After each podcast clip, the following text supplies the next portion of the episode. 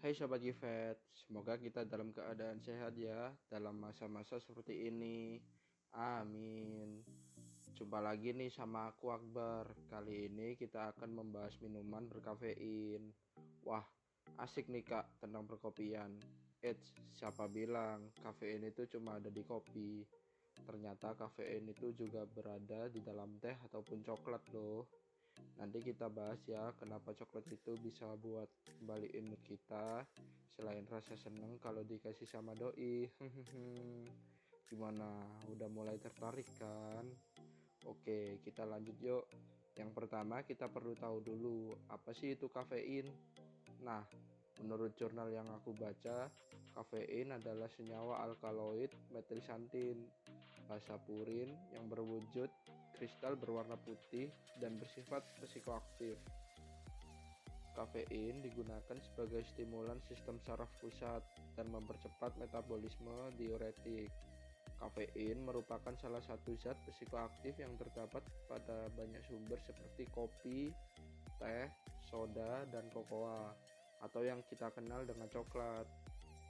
Zat psikoaktif sendiri merupakan zat yang bekerja pada susunan saraf pusat secara selektif, sehingga dapat menimbulkan perubahan pada pikiran, perasaan, perilaku, persepsi, maupun kesadaran.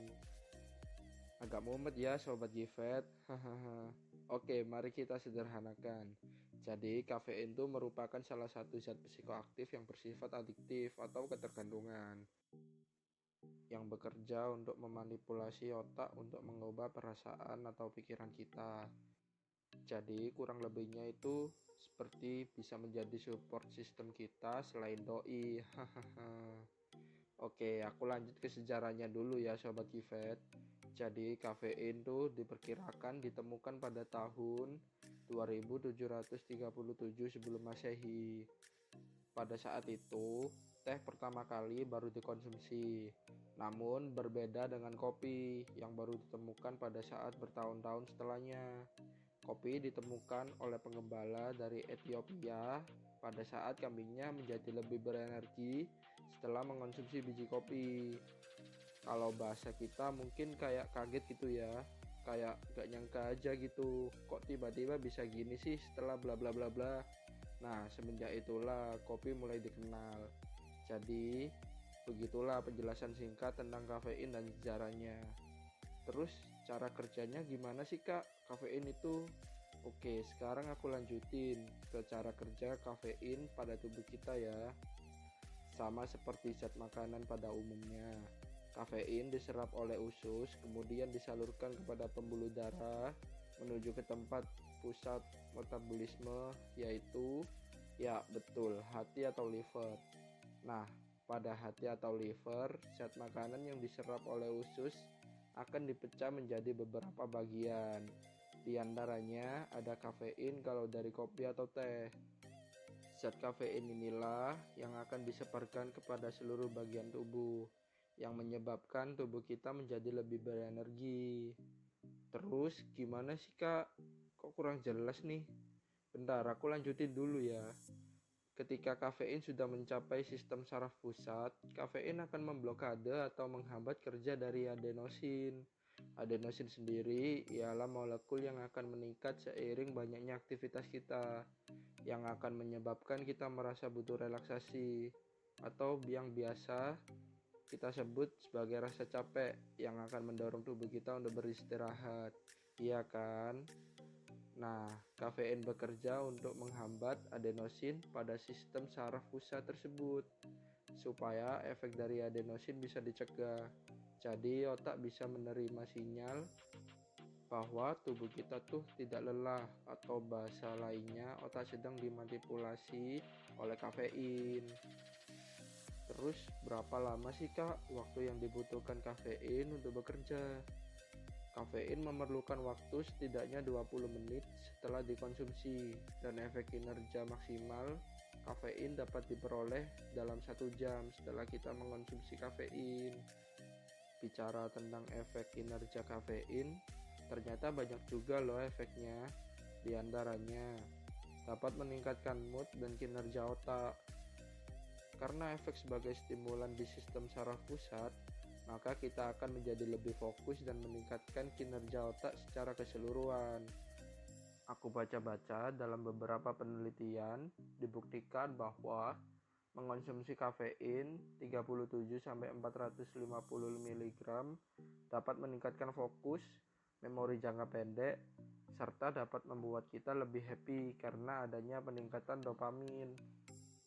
Dopamin sendiri adalah hormon yang dapat mempengaruhi emosi, gerakan, sensasi kesenangan, konsentrasi, dan merasakan rasa sakit. Nah, penelitian ada yang menyebutkan juga loh bahwa mengonsumsi 2-3 gelas kafein atau kopi dalam sehari akan menurunkan resiko bunuh diri dan menurunkan peluang dari penyakit Alzheimer atau pikun. Namun, adanya peningkatan dosis mengonsumsi kafein tidak berkorelasi pada penurunan resiko. Jadi, konsumsi sewajarnya saja ya sobat Kifet. Ingat, berlebihan itu tidak baik ya. Selain itu, untuk kalian yang senang berolahraga, ada kabar baik nih untuk kalian. Dalam sebuah penelitian, mengonsumsi kafein sebelum berolahraga dapat meningkatkan kinerja metabolisme sebesar 11% dan lebih membakar lemak sekitar 13% serta meningkatkan fokus dan daya tahan. Eits, tapi ingat, kopi hitam loh ya, bukan yang dicampur dengan susu ataupun gula. Yang over sampai rasa manis saja yang didapat. Itu namanya sama saja mengonsumsi gula, bukan kopinya. Dilihat dari efek positif yang kita dapat, ternyata kafein juga memiliki efek samping juga loh. Di antaranya ada ketergantungan pada kafein. Hal ini bisa terjadi jika kita mengonsumsi secara berlebihan. Karena andosin yang sudah dihalangi dalam jangka waktu yang lama seiring waktu akan menumpuk dan beradaptasi supaya adenosin tersebut dapat menembus dinding kafein. Hasilnya, jika kita tidak mengonsumsi kafein pada hari itu, maka kita akan merasakan sering lelah dan rasa sakit kepala, dan kita akan merasa butuh lebih banyak mengonsumsi kafein untuk mendapatkan efek yang lebih optimal. Ngomong-ngomong soal efek optimal dari kafein, ternyata setiap orang kebutuhan kafein berbeda-beda loh. Itulah mengapa ada orang yang mengonsumsi segelas kopi tapi malah mengantuk dan tidak merasakan efek apa-apa. Jadi, kenapa sih kebutuhan kafein tiap orang berbeda-beda? Hal ini bisa dikarenakan genetik, usia, dan kebiasaan.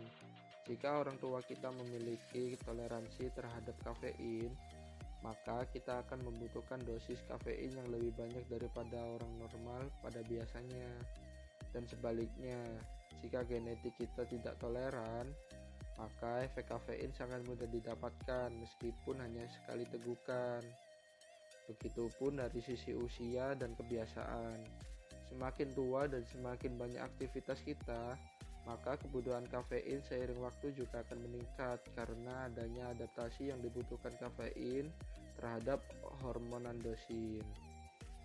Nah, jadi kurang lebihnya begitu ya sobat Gifet tentang apa sih itu kafein, cara kerjanya bagaimana, dan efeknya bagaimana. Kalau ada yang ingin ditanyakan lagi mengenai kafein, bisa DM Instagram kita di @hima underscore Nanti kita balas kok DM kalian.